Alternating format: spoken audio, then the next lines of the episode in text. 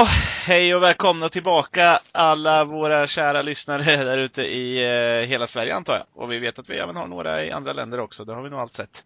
Men eh, välkomna till Red Orm i Sverige-podden igen och eh, det har varit dags för mig att damma av min mick, även om jag har använt den lite nu under sommaren, eller under augusti månad. Men eh, Adam och eh, Mikael, ni har också fått damma av era mickar. Eh, och headsets. Ja, Indeed, indeed. Det har vi fått. Välkomna tillbaka. Tack så mycket. Tack, tack. Eh, hur har augusti månad eh, betett sig mot er? Trots en semifinalförlust i Europa League. Ja, just det. Den hade man ju nästan förträngt. Eh, Nej, men det har varit en bra månad tycker jag. Har, det- har jobbat i en vecka ungefär så nu är man tillbaka på, på riktigt känns det som. Mm. Livet Det börjar är bara närma fotbollen man saknar. Ja, men den är snart här. Ja, det blir inte så långt uppehåll den här gången. Nej, Nej, exakt. men det, det har varit bra för mig också. Och extra bra idag också eftersom jag, jag har ätit soppa idag. Och då, jag tänkte på det när jag gjorde soppa. Jävlar vilken underskattad maträtt det är ändå. Får alldeles för lite Ja, cred. det är- Soppa. Det spelar ingen roll vad det är för soppa. Det kan vara ärtsoppa, det kan vara purjolökssoppa. Soppa, det är life. Ja. Ja, det tycker jag om. Tycker du om? Du håller med mig om att det är underskattat? Ja. Det är det väl eh, kanske. Äh. Eh, Ni har inte så mycket åsikter? Fundera på det så mycket. Nej, faktiskt. Nej, nu kan nu kan ni. En fråga jag inte riktigt har ställt Nej, mig så alltså, många du kan ju prata mat för mig, jag äter ju allt så det är ju lätt. Du kan rabbla upp vilken rätt som helst. Jag har förmodligen njutit av den. ja, det är bra. Haggis. Va?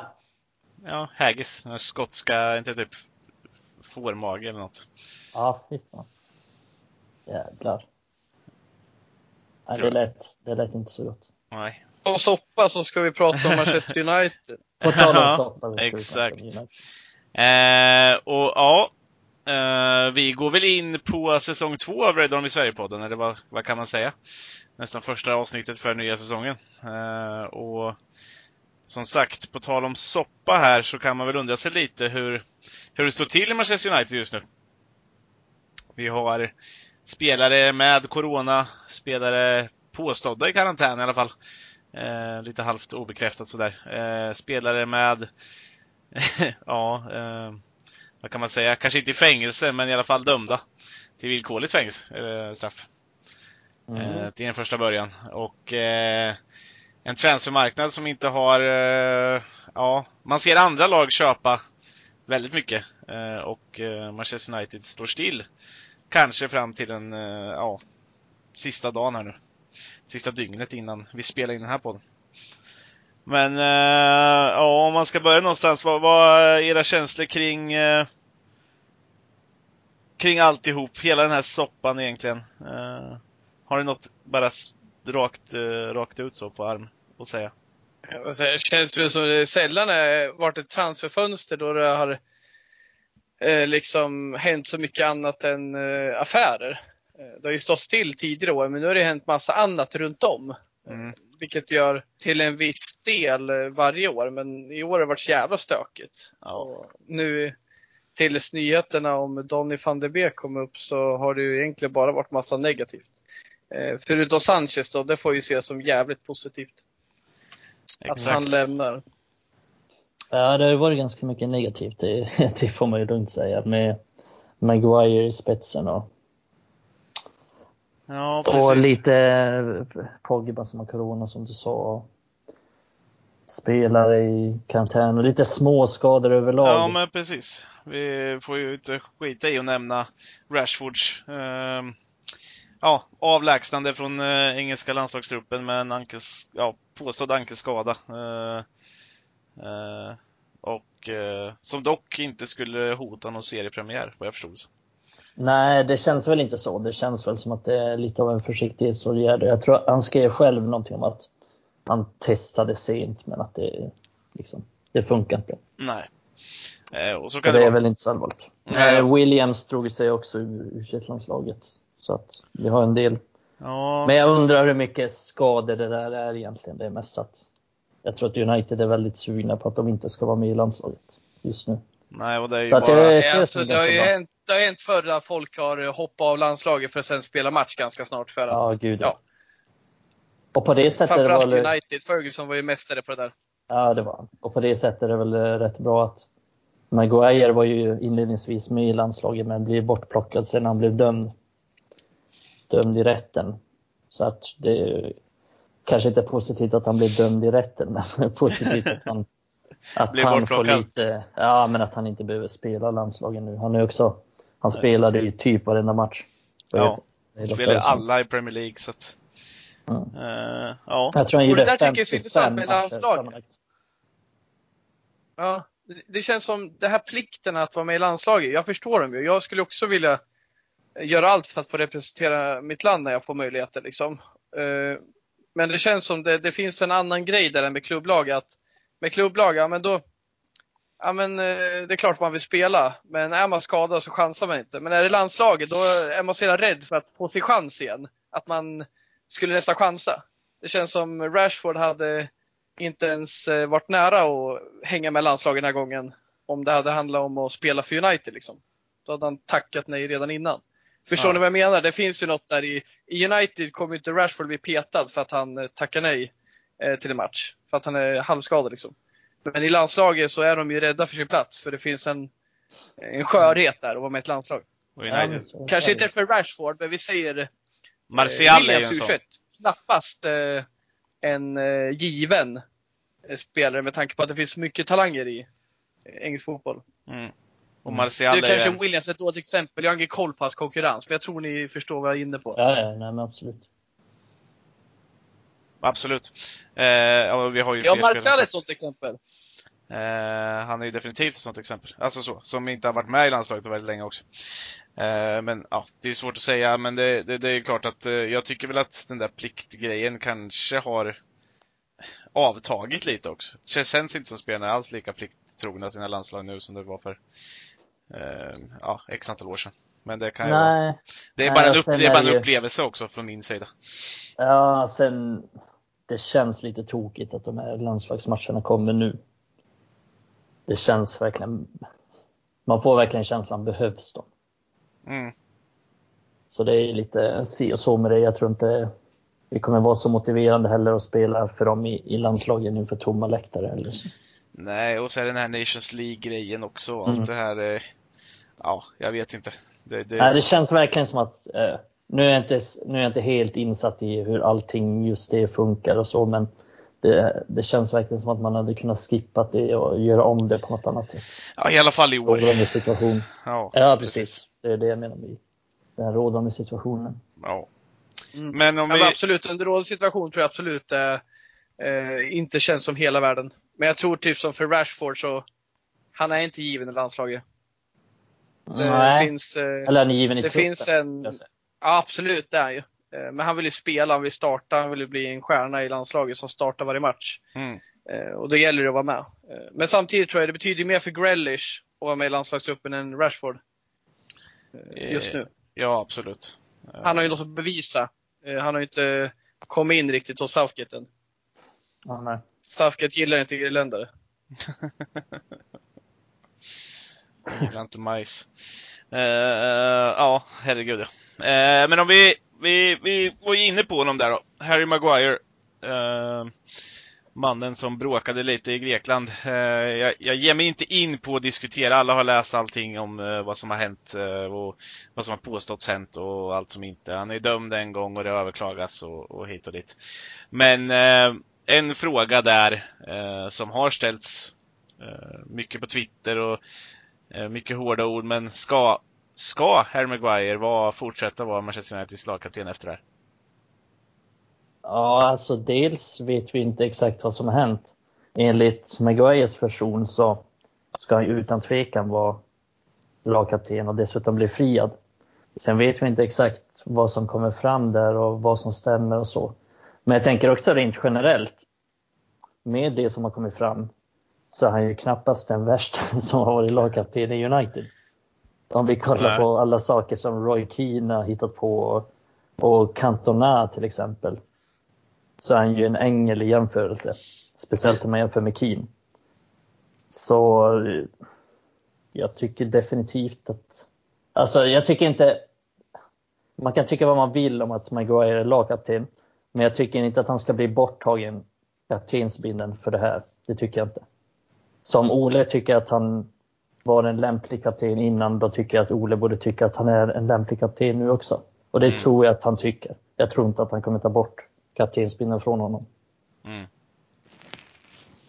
Eh, Nej, alltså ska jag spekulera det här som jag uppfattar det, det här han gör och ska försvara sin syrra liksom och vänner och kanske inte hantera det hundraprocentigt, men det känns väl som en egenskap och eh, skydda sina nära är väl ändå bra och allt är väl inte perfekt i den här världen liksom. Eh, utan att känna till alla detaljer. mm. Så för mig är det väl snarare öka, jag får en, en stark bild av han efter jag hör, eller en starkare bild av hans karaktär när jag hör den här intervjun. Eh, faktiskt. sen kan jag tycka i sak på frågan, ska han vara lagkapten? Jag kanske inte tycker det. Jag tycker att han är ett starkt alternativ, men eh, jag vet inte om jag riktigt ser och har märkt av han som lagkapten eh, på ett annat sätt. Jag, jag ser ledaregenskaper till exempel hos Bruno. Eh, en sak att jag inte nöjer mig och hur han är mot sina lagkamrater och så. Han skulle jag verkligen vilja ha som lagkapten. Mm. Eh, Men just i frågan om det här ska inte förändra hans situation. Men jag var väl inte hundra på om inför, innan det här hände, vem jag vill ha som kapten om det var Maguire. Jag skulle nog föredra Bruno liksom. Eh, ja, nu får man tänka på att han blev utsedd som kapten. Eh, Innan Bruno, absolut. ja, precis. Och, och allting sånt där. Och jag, Men han har ju också provat, så jag har inte varit imponerad. Jag, alltså jag, jag tycker han, han har varit det bästa alternativet innan Bruno, helt klart. Men jag tycker inte... Eh, jag tycker att hans preses på planen har varit extremt viktig för oss och vi har inte haft någon annan spelare som tillför eh, den trygghet i luften och med bollen som han har, tycker jag, eh, i andra mittbackar. mm, Eh, Men jag tycker som ledare, jag tycker väl inte han har styrt upp försvaret tillräckligt bra. Jag får en känsla kanske, jag tycker inte att han så Lind, jag tycker inte han kanske styr Lindelöfs på det sättet jag vill. Eh, Jag tycker inte de har en bra kemi. mm, Och även fast eh, ja, men det, det känns som vi har att slipa på i försvar och jag hade trott mer om Maguire som ledare om man säger så. ja, men det är Jag väl lite tycker inte samma... det riktigt brinner i honom. Jag tycker han kan vara lite försiktig liksom, men det är väldigt ytligt också. Ge honom Det lite är- alkohol i Grekland så att det brinner till hos honom. Ja, ja, men jag tror aldrig han är tyst när han är full liksom. Så är det. Ja. Men det kan ju vara samma diskussion som man har angående att eh, de Gia inte ska vara lagkapten. Det är också lite för lamt på något sätt. Och även om Maguire är en hård spelare så Han kan, jag, så kan jag hålla med, med om att det känns inte som att kommunikationen är hans stora grej ute på plan. Sen, Ja, men han är mycket, mycket bättre än de Gea. där. ja, men, men, Ja, ja. det, men det är Alltså, ändå det samma, ju det är ändå samma diskussion. Han, eh, alltså, eh, vad det är jag menar. Fan, jag blir bara arg när jag tänker på det sker. Jag pratade om det här om eh, dagen med en bekant om jävla still han står i straffområdet. Hur jävla liksom, hur lite involverad han är. Ja. Känns som han, ja, jag ska inte gå in på det här, kan vi ta på senare kanske, men fan, bara irriterande att tänka på honom. Eh, ja. Snackade vi inte om någon utekväll någon gång? Vem som har... Vi snackade om Phil Jones skulle vara på någon utekväll. Det är Maguire Ja. du kallade upp då. Att han blir så jävla packad. Ja. Vi vi kom aldrig in på Maguire Det då. var tidigt, det var i höstas. Ja, det var i höstas någon. Ja, vi, då, Jones eh, skulle typ, ba- ja, drunkna på hyllan.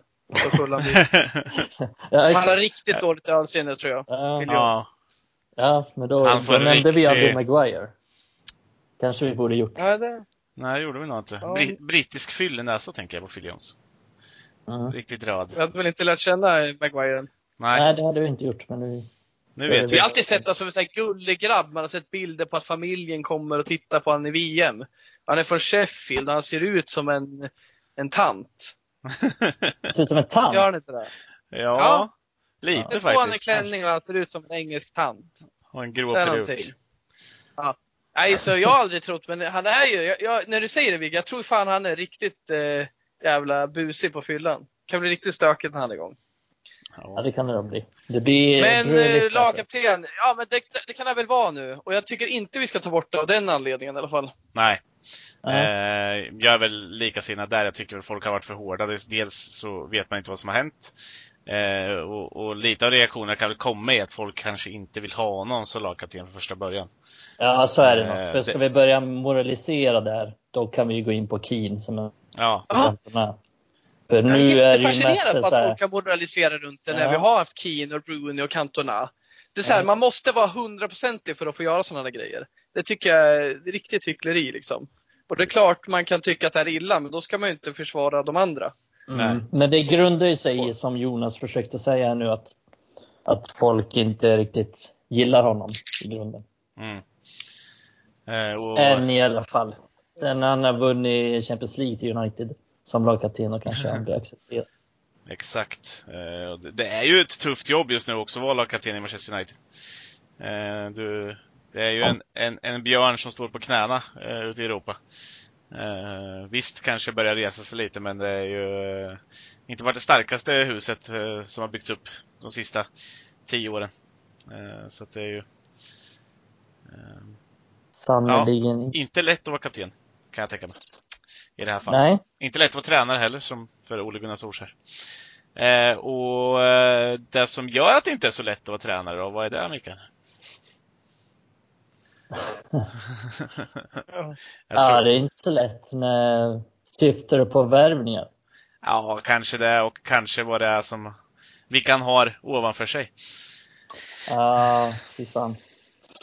Nej, det, det, är, det är sannerligen inte det, det är lätt för Ole. För det, det är ju så, det ser vi ganska tydliga tecken på den här säsongen att vi har ingen riktig ambition som klubb, tycker jag. Vi har ingen ambition som sträcker sig längre än att nå topp fyra. Eh, vi är en klubb som inte är särskilt sportinriktade som kanske Bayern München är. Eh, Bayern München är definitivt en klubb som tar beslut när det går dåligt. Och snabba beslut, oftast korrekta beslut också. Hade de till exempel haft tålamod med Niko Kovac som var tränare innan mm. Eh, så hade de ju inte ens vunnit Bundesliga. Men de sparkade honom och vann trippen istället.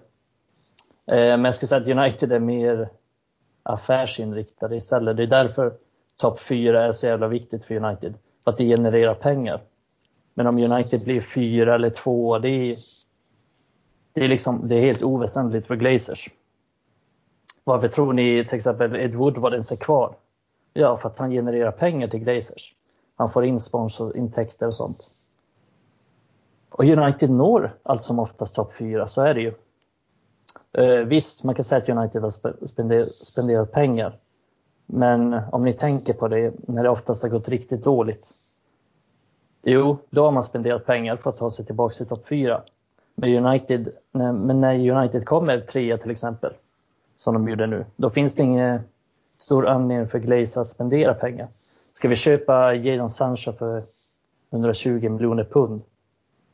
Det finns liksom ingen anledning för Glaze att spendera de pengarna med tanke på att United redan är i, i topp 4 ur deras synvinkel. Mm. Och, och jag tror inte liksom eh, en värvning av Sancho kommer att göra att vi slåss om ligatiteln. Ja, mest troligt inte. Så att ur deras synvinkel så är det ju en rätt dålig investering att slösa så mycket pengar på honom. Så det, men det, nej, det är lite som jag var inne på innan. Det, Bayern sparkar Kovac, Juventus sparkar Sarri när de har ligan. Varför gjorde de det? Jo, för att de nöjer sig inte ens med att vinna Serie A. De vill vara bäst och de vill vara överlägset bäst och de vill vinna allting. Mm. Och United har inte riktigt den ambitionen. Det är Glazer, de är ju nöjda som helst om United kommer topp fyra. Och det värsta är att det, fan, till och med vi börjar bli nöjda med det. Så att nej, det är definitivt ingen slump att United är inaktiva på marknaden. Pengarna kommer inte in på samma sätt heller nu under Corona och, och då är de inte villiga att satsa. De är inte villiga att ta några risker för det. Men om vi kollar på Chelsea till exempel. De har en sportslig ambition i sig. Sen kan man säga vad man vill om Chelseas ägande. Det är, jag vill väl inte ha Roman i United. Men han är inte där för att tjäna pengar, han är där för att vinna med Chelsea. Och där märker man ju skillnaden på jämför United nu och Chelsea. Mm. Då ser man ju verkligen skillnaden i ambitioner. Och man kan väl säga att Solskjaer är den perfekta tränaren för Glazer hittills. Eh, dels han, tycker jag inte riktigt, han har inte ställt riktigt samma krav på ägarna som kanske Mourinho gjorde, eller van Schaal. Mm. Eh, sen kan ju klubben också utåt säga att de satsar på akademin, vilket alla fans definitivt köper. Eh, och sen är Ole dessutom en klubblegend som kommer få, han kommer få förtroende från fansen oavsett. Och det har vi sett innan, även om det har varit lite kritik mot honom så har många stått bakom honom. Och det viktigaste av allt, han har tagit klubben till topp 4. Eh, så det är, väl, det är väl egentligen det som, som gör att jag tror att United inte har, har köpt så mycket. Men det jag inte riktigt förstår det är varför inte Glazer och Woodward, varför de inte sparar in pengar på att anställa fotbollsfolk som, som sköter det. För att det skulle man ändå spara in ganska mycket pengar på.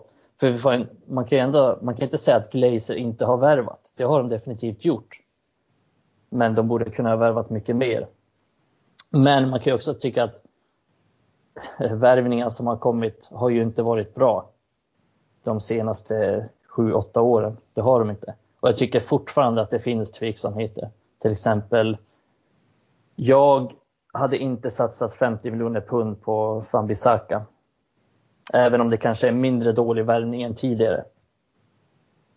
Men det är, vi kommer tillbaks till, fan nu blir det så här Bayern München exempel, men det är så lätt att ta det nu när de, när de vann Champions League nyligen. Men de har fotbollsfolk som styr, de har före detta spelare som varit i klubben.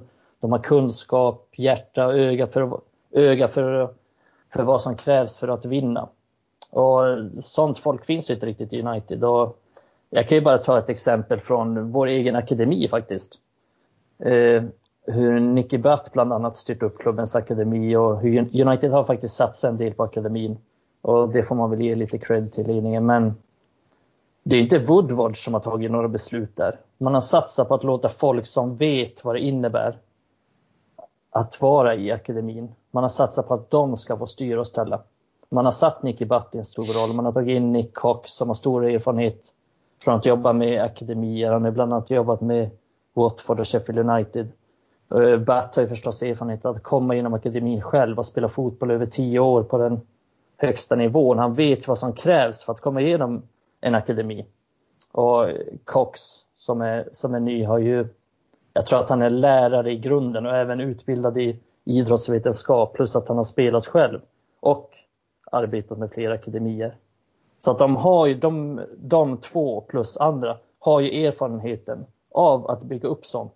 Av att komma igenom sånt, så de vet precis vad som krävs. Om vi tänker då Woodward, vad har han för erfarenhet av att ta fotbollsbeslut? Och han är världens största klubb. Han har ingen, ingen, ingen erfarenhet av det. Nada.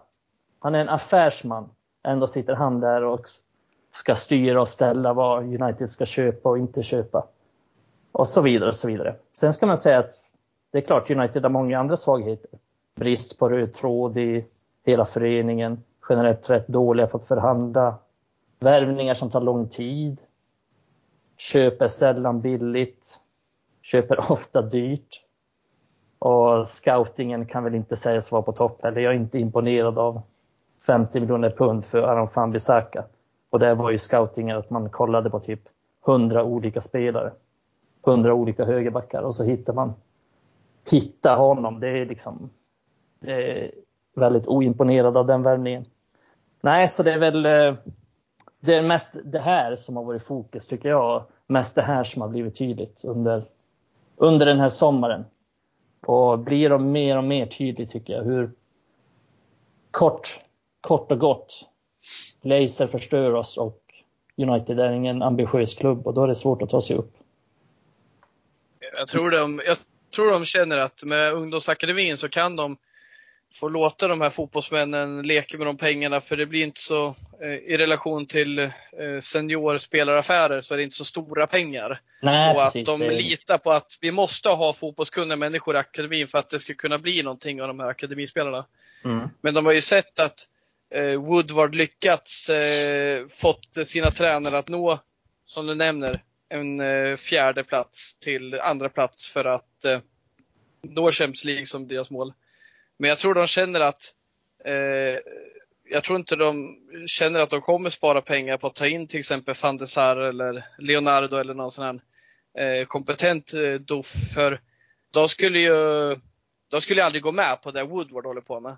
Han backar undan så fort Glazer säger nej. De skulle vara, fan vänta du, vi måste ju ha sex spelare den här säsongen för att klara målen. För målen är väl att vinna.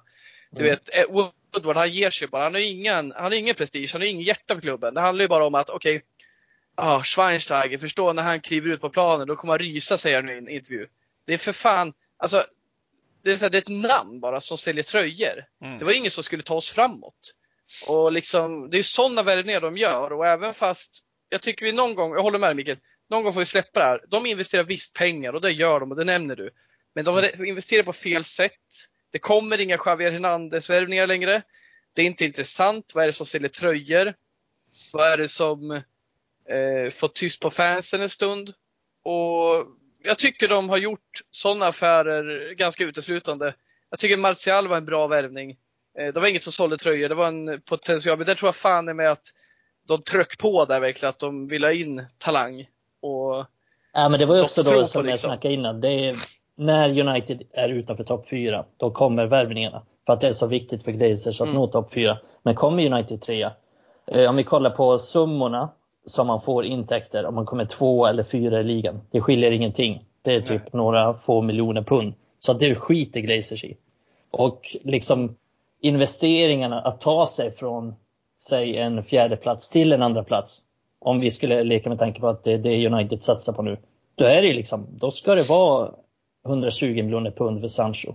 Då ska det in en mittback för 50 miljoner pund. Det, det ska värvas över 2 miljarder. Och då ser Glazers det så här.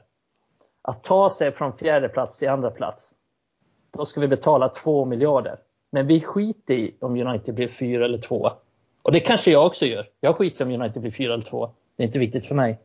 Det är viktigt att United vinner, men det är inte viktigt för Glazers att United ska vinna. Och det är inte viktigt för Glazers att United ska bli, bli eh, lite bättre hela tiden. Det, det viktiga är att United håller sig flytande på en tredje, fjärde plats. Det är det de vill.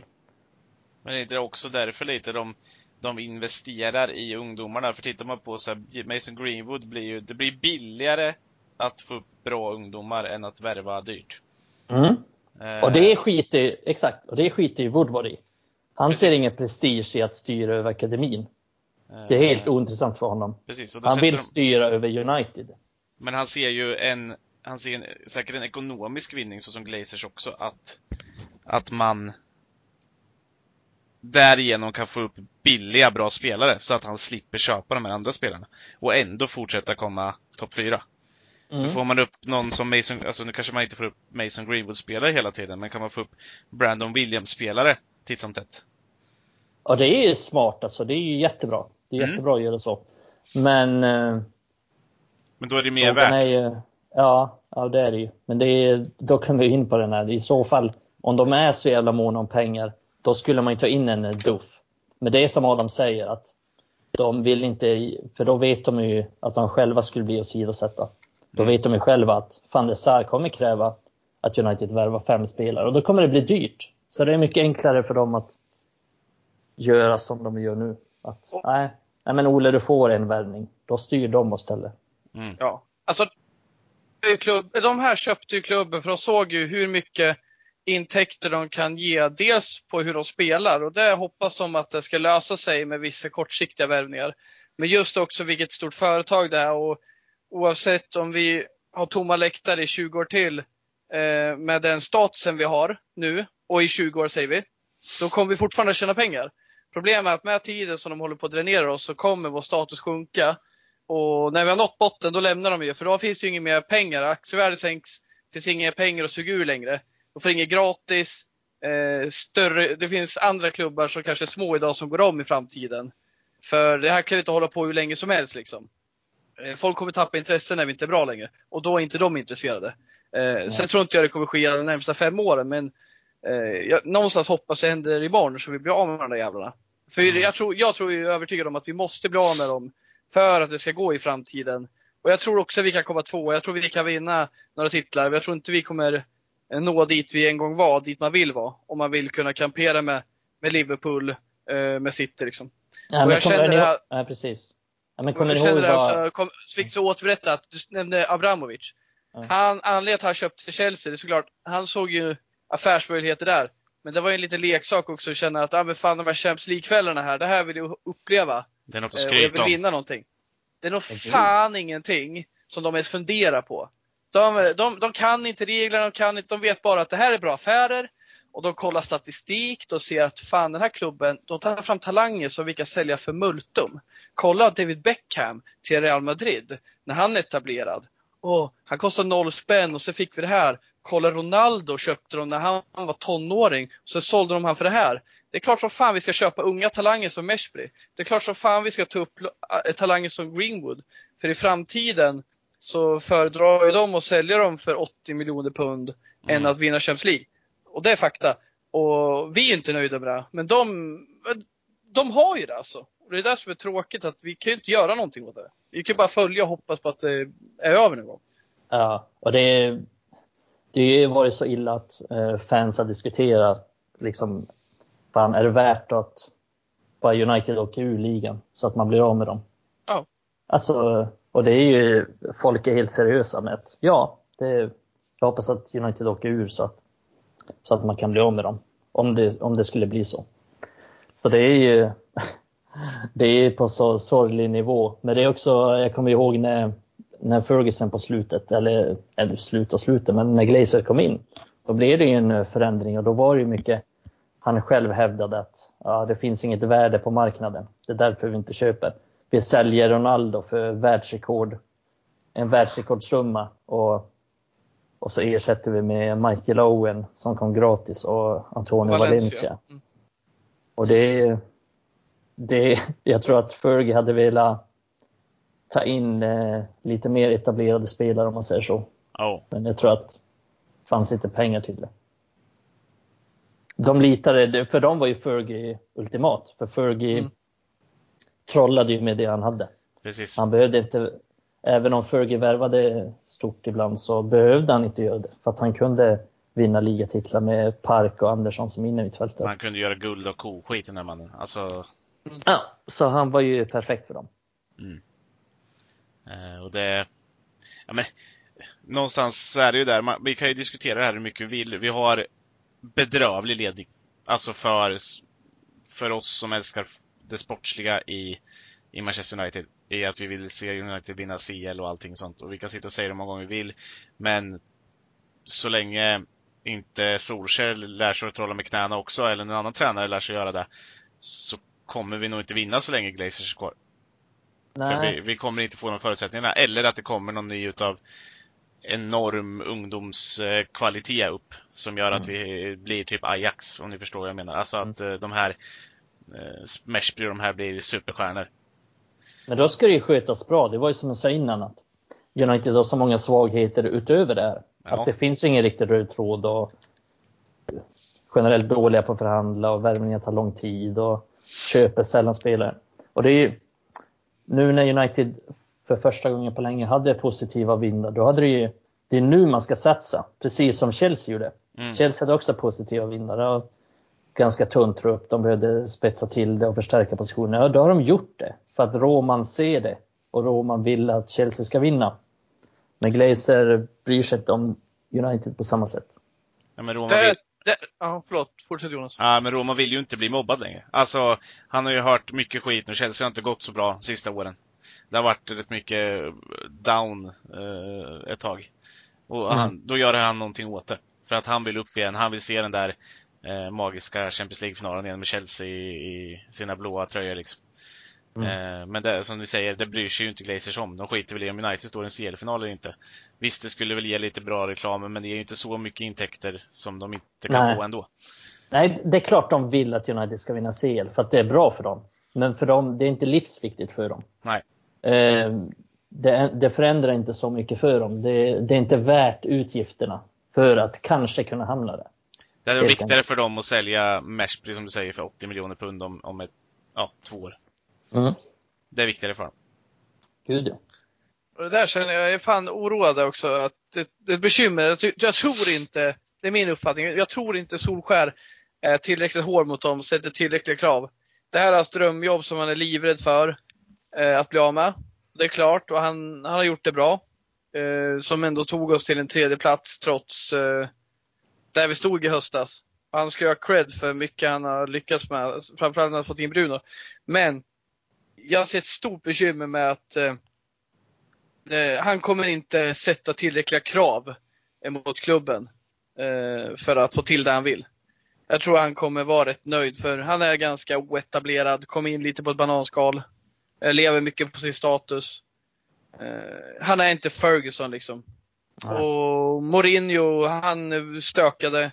Conte hade stökat. Och de blir av med sina roller men liksom de, de kämpar ändå för klubben. Jag vill fan inte vara här om vi inte gör det jag vill. Och det är det jag menar med Doff också. Det är, alltså van de Sar, han hade aldrig varit kvar i det här. Han hade inte, det är emot hans, eh, mm. eh, ja men han har varit kung i det här laget, van de Sar. Mm. Han kommer inte hit och blir nedpissad på. Däremot eh, Woodward, han, han ska ju inte vara här, han är skitnöjd liksom. Han sitter ju mm. på en roll han inte klarar av.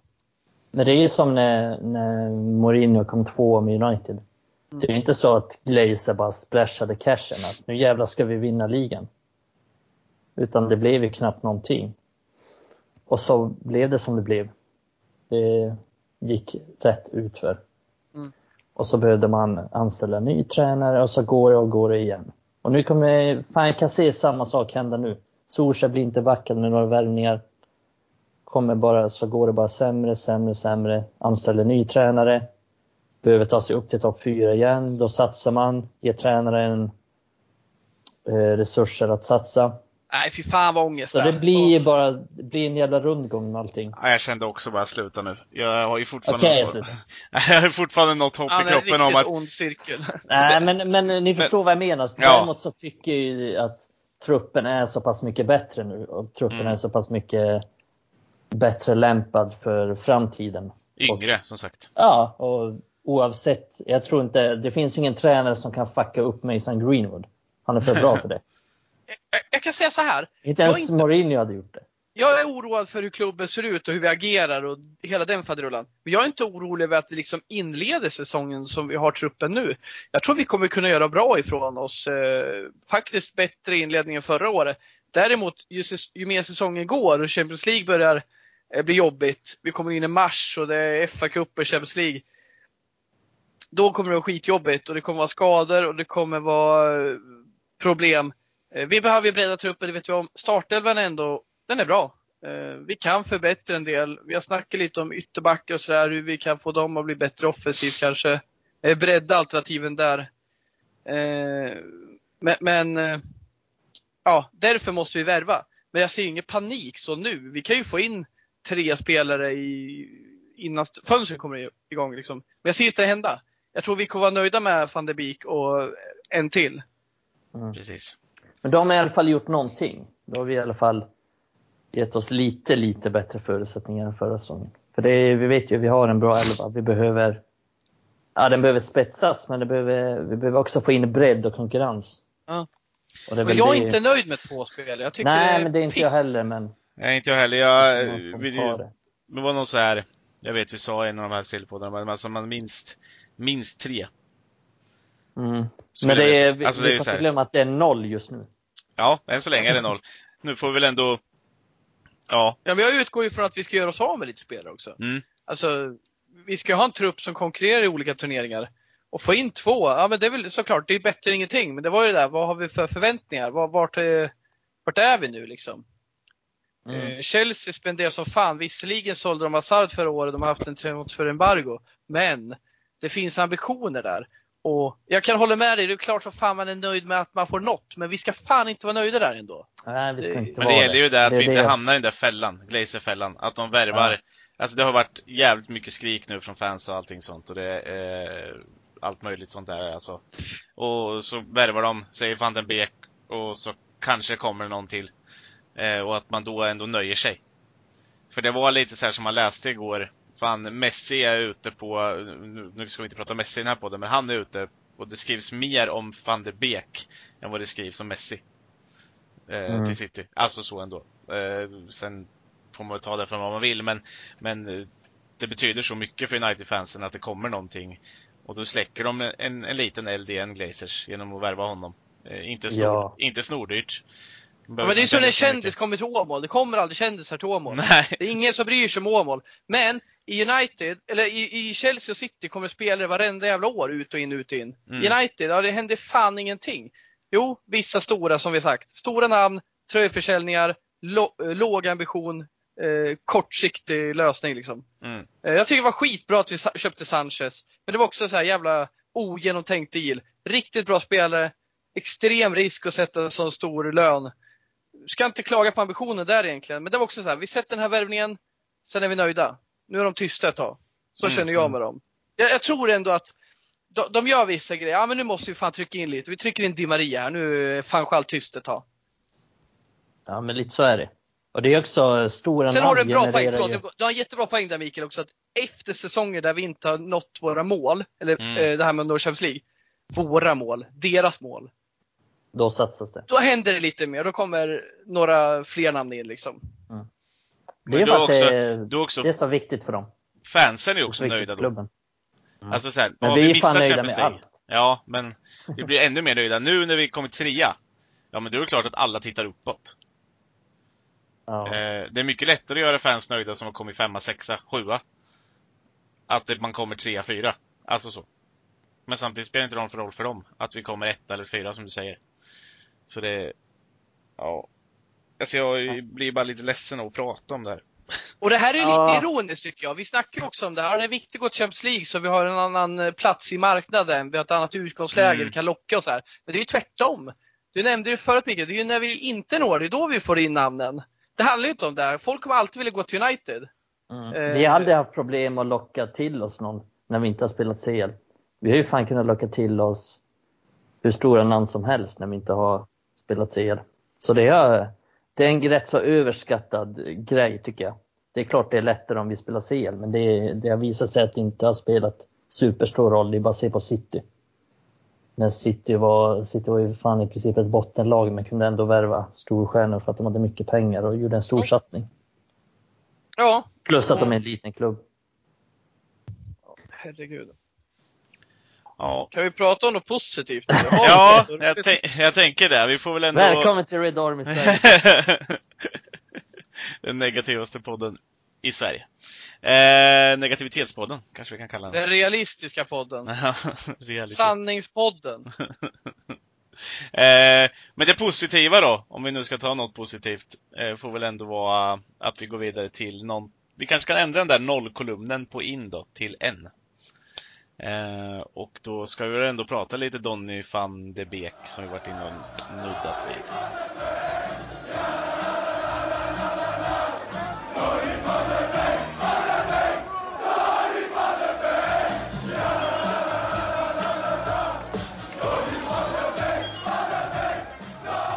Ja, Donny van de Beek van de Beek som man kanske säger i Holland, jag vet inte. Men eh, så sjöng vi i alla fall Ajax-fansen. Eh, om inte den här säsongen så säsongen innan. Nej, Ajax gick så fruktansvärt bra. Men eh, i inspelande stund, eller för i alla fall en liten, liten stund sen, så har eh, den gode Fabrizio Romano som eh, allt som oftast har rätt i sina uttalanden eh, skrivit att han har klarat av sin läkarundersökning också.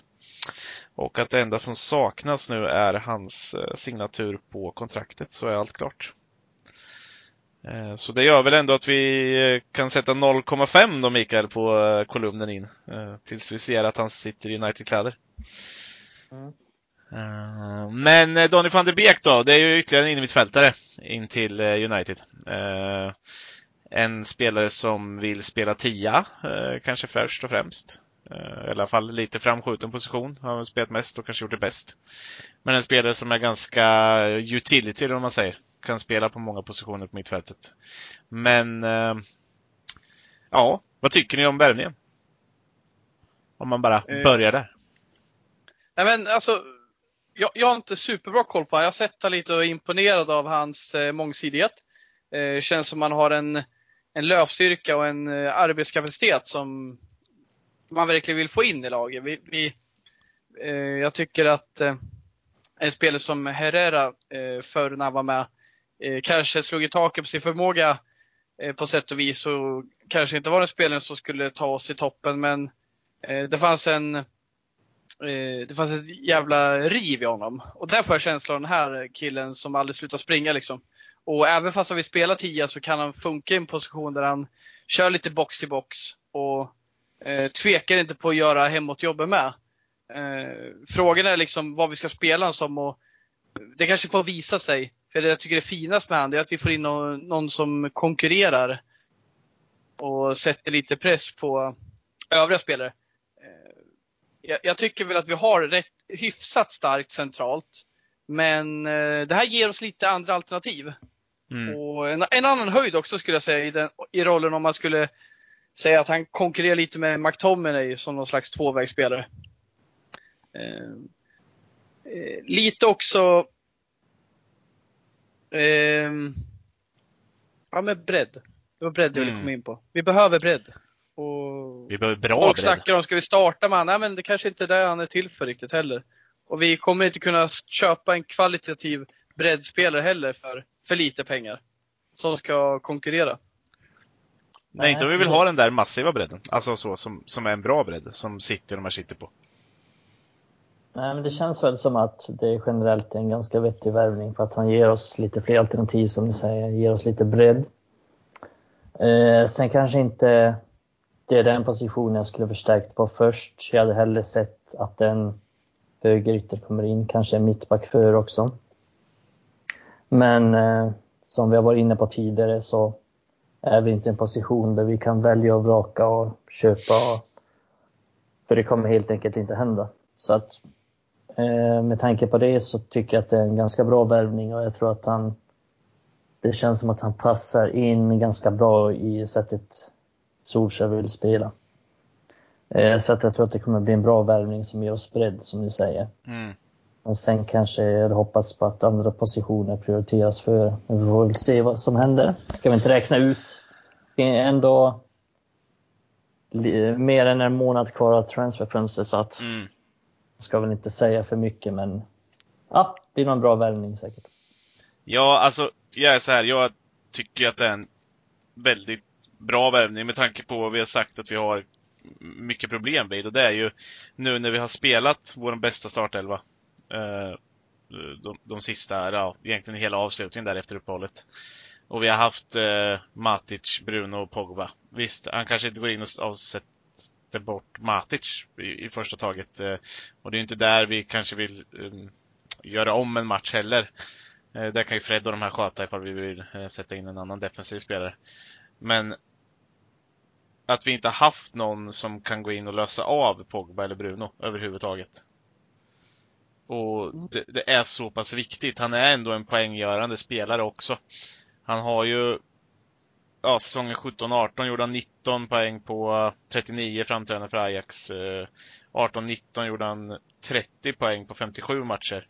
Och förra säsongen gjorde han 21 poäng på 37 matcher. Eh, sen, och mm. då gjorde han 10 mål och 11 assist, så han bidrar ju också en hel del med poäng. Uh, och det är ju där, vi har ju inte haft något farligt att kunna slänga in heller. Eller någonting annat, någon som kan ändra en match lite. Uh, utan det har ju varit, då har det varit Pereira eller Mata. Mm. Och hur bra har det gått? Så där tycker jag ju att det är väldigt bra och man kan starta honom ibland också utan att jag tror att det blir alldeles för bedrövligt. Mm. Nej, men han ja. kommer göra att vi slipper ta in vissa spelare som vi inte vill se på planen. Ja. Och i förlängningen innebär att de kan eh, lämna nu utan att det blir ett eh, fysiskt tomrum mm. av en seniorspelare. Det är intressant liksom, och det ska bli spännande att se hur man använder honom och på vilket sätt. Jag såg ju någon slags någon önskeelva från någon som hade med honom istället för Matic på centralt mittfält och där känner jag eh, förbehåll har inte hundra koll på alla hans kvaliteter. Men det känns ju spontant som rätt obalanserat om han och Pogba skulle vara centralt tillsammans. Och det är just för att Pogba inte är tillräckligt eh, eh, vass defensivt i en central eh, mittfältsroll.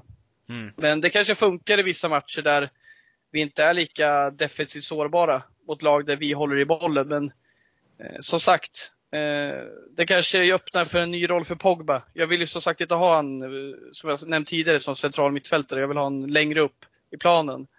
Eh, det kanske blir någon diamant i framtiden, vad vet jag, Mm. men eh, vill han använda allihopa då, mm, Vill det, man... det, är ju, det är inte bara att sätta in han bredvid Pogba liksom. Det tror inte jag i alla fall. Nej, det är det inte. Eh, Det skulle jag säga. Han är ju, ingen, han är ju inget ankare. Eh, han kan spela... Han kommer ju inte städa upp bakom Pogba liksom. Nej, han skulle kunna vara en spelare som gör att Pogba får vila, eller Bruno får vila däremot. Han tror han ska göra Pogbas roll. Han är en spelare som vill dra sig ut till höger mer, eh, vilket vi kanske har saknat. Ehm, och, eh, ja. Det, det jag har sett av honom och det jag har liksom fått fram ändå, det är, han kämpar ju hemåt, han springer hemåt. Det är lite Herrera spring på det där, alltså så. Eh, jobbig eh, på det sättet och vinner en hel del boll på det också. Men men hans kvaliteter ligger ju egentligen i att han är farlig och hittar ytor framåt. Kanske inte med öppnande passningar och sådana där saker, men han själv hittar mycket luckor och få passningar i. Och det är ju... Ja. Det är ju inte ett ankare. Jag tror inte att man... Nej. Det är lite Pogba-style på det också. Sätter honom längre ner, han kommer inte göra ett dåligt jobb. Men han är inte bäst där. Du får inte ut det bästa av Donny van de Beek om du flyttar ner honom i plan. Även om han har gjort det bra där också nu. Han har spelat ganska mycket defensivt för Ajax i år till exempel. Mikael var inne på det här med, ja, är det här rätt prioritering? Eh, vi får ju se vad vi får fram när fönstret är slut. Får vi in ny, eh, fyra nya spelare och vi täcker andra delar av planen, defensiven, offensiven med bredd. Ja men då är det en annan femma, men som det ser ut nu som vi, vi förstärker den starkaste delen på planen. Vi förstärker centralt mittfält där vi eh, i december månad kanske var, ja, vi var fan riktigt svaga eh, med tanke på att Pogba var borta. Vi hade inte Bruno. Men nu med alla tillgängliga så är vi ju fan, det är bland det starkaste centrala delen i hela ligan. Men eh, vi har ju fortfarande bekymmer defensivt och eh, ja, offensiven. Vi har ju inte ens några alternativ att sätta in som hotar. Som Nej. det ser ut nu. När James har tappat Stinge och en sån här Chong man hoppades kunna kanske komma in och jag tycker han har imponerat det jag sett på han 2020. De få gångerna jag spelar. Men, men han är ju iväg nu på lån så det är ju där vi verkligen behöver förstärka och Mm.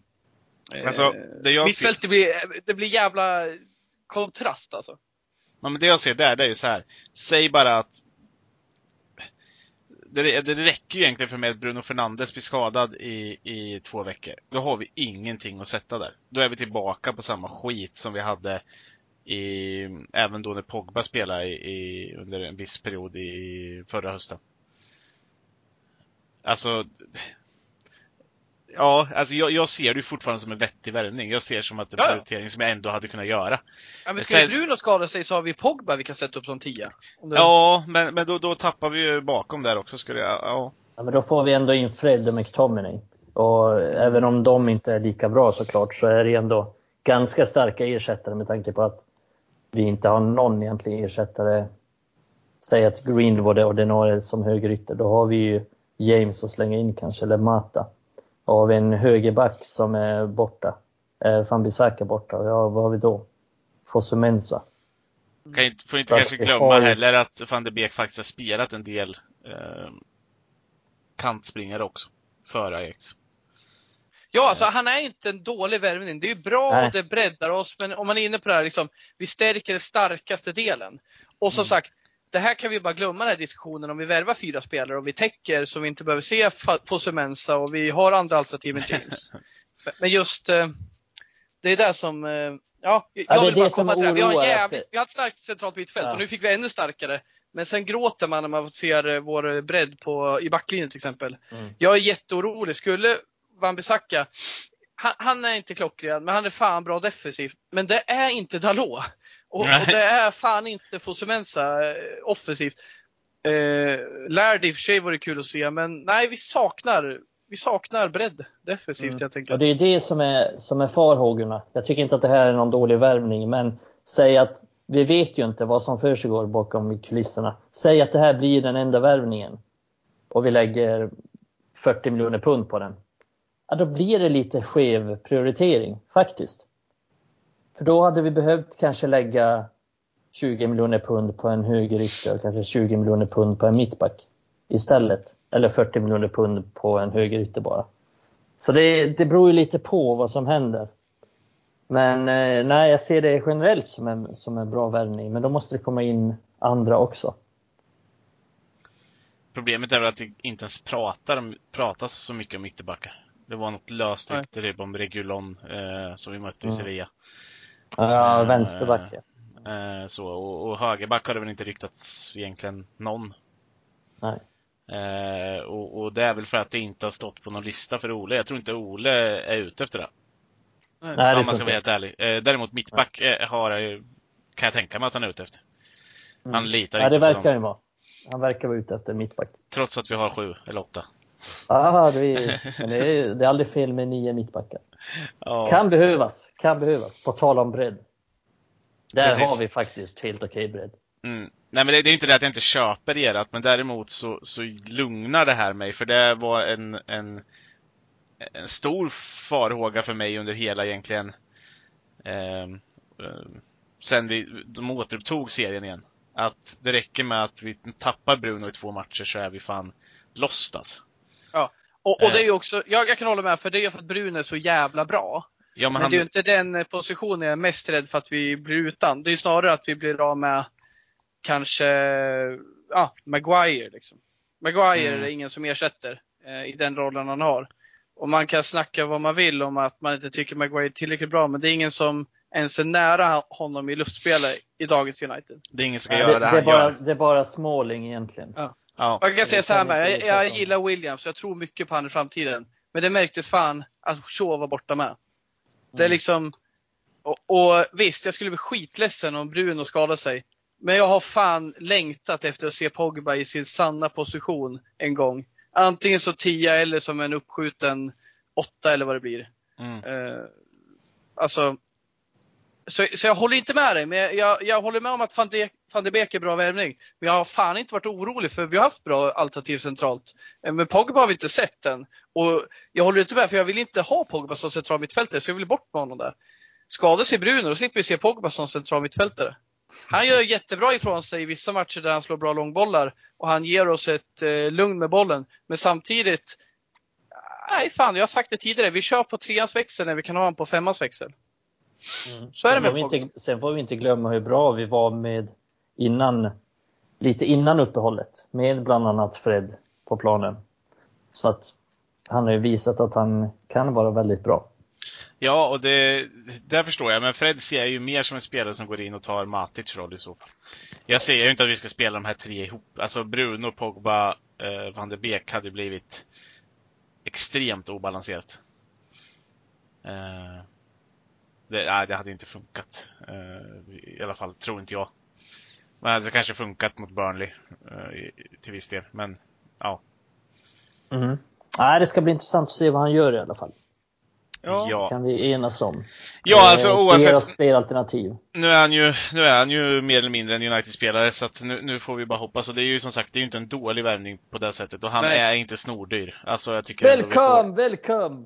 får, Just det, precis. Jag vet inte om jag uttalar det, men Nej men alltså, han är ju, eh, jag, jag, tror ju att eh, det är helt rätt karaktär att ta in. Och jag är Mm. glad att även fast eh, Eh, vi hade inte Van Bissaka. Vi var jättenöjda med han i vintras, men ju mer han spelar, ju mer inser man hans begränsningar. Men det är också en rätt karaktär och jag tycker han, han känns som en trygg spelare att ha i laget. mm. Sen vill jag ha ett alternativ till honom. För jag vill inte se han stå jag vet inte vad jag gör med bollen ibland, men alltså i uppspelsfasen så hade jag till exempel hellre fan haft Max Arons offensivt från Norwich som tillför mer än honom. Men i matcher där vi har backat hem och vi är ett kontrande lag, vilket har krävts eh, under förra säsongen, då tycker jag han varit bra. Men det är inte Mm. vad som räcker för mig om tre år. Men det jag vill komma till, eh, rätt karaktärer. Det verkar vara en eh, kille som, Ja. eh, ingen diva liksom. Eh, Det var någon gång du snackade om Memphis Depay, skulle tillba- ta tillbaka honom var det någon som frågade i någon podd. Jag, så här, jag vill inte se karljävel, jag vill inte se hans lejontatuering någonting. Jag vill ha äkta människor som eh, fan eh, är hemma i sig själva. Det, det, det är bra Solskjaer. Jag tycker han väljer rätt karaktär och de han värvar. Ja, det, det gör han verkligen och just, just eh, Van de Beek känns som en känns som en eh, känns verkligen som att Ole har har bra koll på de här karaktärerna och det, det känns som att han är en sån som kommer passa bra in i United. och vill vara United och kommer alltid göra det jobbet för United. Mm. Vilket kanske inte är typ Depay gjorde, eller Di Maria. Nej. För de, eh, ja, Depay kanske ville vara där mer, men han var väl inte rätt karaktär kanske. Men Di Maria ville inte ens vara där. Så, så på det sättet tycker jag det är bra. Och angående Fambisaka så är väl bara förhoppningen om att Itan lärde den som ska ta över sen. Ja. Jag hoppas att det är därför man inte värvar någon. Nej, men det måste ju vara det. Man kan ju inte se någonting eh, i Dalot. Alltså det går ju inte. Nej, jag gick upp honom för länge sedan. Ja, nej, men alltså, jag, jag gillar inte heller honom. Och fanns det några rykten i att PSG vill ha honom så kan de väl få honom. Alltså, ja, ja. Jag, ja det, så... det, kan inbringa lite pengar. Så det, ja, ja, då får vi säkert lite för honom. Han är en av få som, som vi faktiskt kan få en del pengar för, tänker jag. Ja, exakt. Uh, och ja, jag kan väl ändå tycka att det är helt okej okay att sälja honom. Eh, vi säger vi fick in van de Beek, har ni någon så här ni tror eh, försvinner då tack vare den värvningen? Det kan vara intressant att tänka. Eh, Pereira. Ja, Pereira. Lite mm. känslan av att han mm. kommer bli såld. För att jag tror att han själv vill lämna faktiskt. Mm. Jag tror att han vill, han vill, han vill ha mer speltid. Jag tror att Lingard blir kvar. Jag tror att Ole visade lite för Pereira också att du inte är i mina planer längre. I alla fall efter, ja, när vi tog, återupptog spelet igen. Alltså, mm. alltså Pereira är svårt att har haft en plats i truppen innan mm. van der Beek kom in. Och mm. nu lär han ju, så jag håller med där, han, han lär ju försvinna nu helt enkelt. Ja, för han känns också som en, han har lite ambitioner och han är, även om han har varit länge i United, eftersom han var i akademin också ett tag. Men han är ju ingen, han är inte från Manchester som Lingard är och så vidare. Nej. Han tror jag faktiskt också att vi kan få en slant för. Jag tror vi skulle lätt kunna få så här, 15 miljoner pund från en eh, nykomling. Om det är så. Han har spelat jättemånga Premier League-matcher. Är dålig visserligen, men det är för att vi förväntar oss mycket för honom. Jag tror det, jag tror det. Alltså, ja. vi skulle kunna få ja. Ja, men det känns som att han kommer gå till typ Getafe. Ja, det tror jag. Ja, då blir det inga pengar. Nej. Då blir det eh, kuponger på Burger King. Ja, det blir det. Så jävla kul att jag snackade om det med en kompis idag, om att Burger King sponsrade Getafe. Ja, det är sånt man eh, vet. Ska vi avsluta den här podden med att ni får gissa på ifall eh, van de Beeks presentationsvideo är bättre än Matt Dohertys? För Tottenham ja. Hotspurs. ja, den... Jag var bara tvungen att nämna det. Det är ibland det mest pinsamma jag sett en klubb göra. alltså, jag tyckte det var lite kul. Eh, jag har inte bestämt mig. Men jag tycker att... finurligt leende när han ja, gjorde men... Jag, jag, jag, har inte bestämt mig om jag tycker att det är genialiskt eller om det var korkat. Jag vet inte. Förmodligen det... någonting mittemellan. Ja, linjen mellan geni och galenskap är ju oerhört tunn och det visar de väl. Mm. Men där. Ja. Har ni inte den sett den så något. kan ni väl söka. Vi, disk vi diskuterar den och vi har aldrig diskuterat någon presentationsvideo som inte handlar om United. Nej, i och för sig. Så det säger väl något. Vi får väl se. Eh, vi kan väl också vänta oss en eh, otroligt fin eh, eh, hejdå-video från Ajax för Donny van der Beek. Ziyech fick ju en, en otroligt fin, så jag kan tänka mig att en holländsk eh, eh born and bred spelare också kommer få en. Kommer han spela piano när han blir presenterad? ja, det är frågan. Eh, kan han spela piano? Nej, det tror jag inte. Det kunde inte Sanchez heller. Nej, han fick ju se ut som att han kunde. Ja.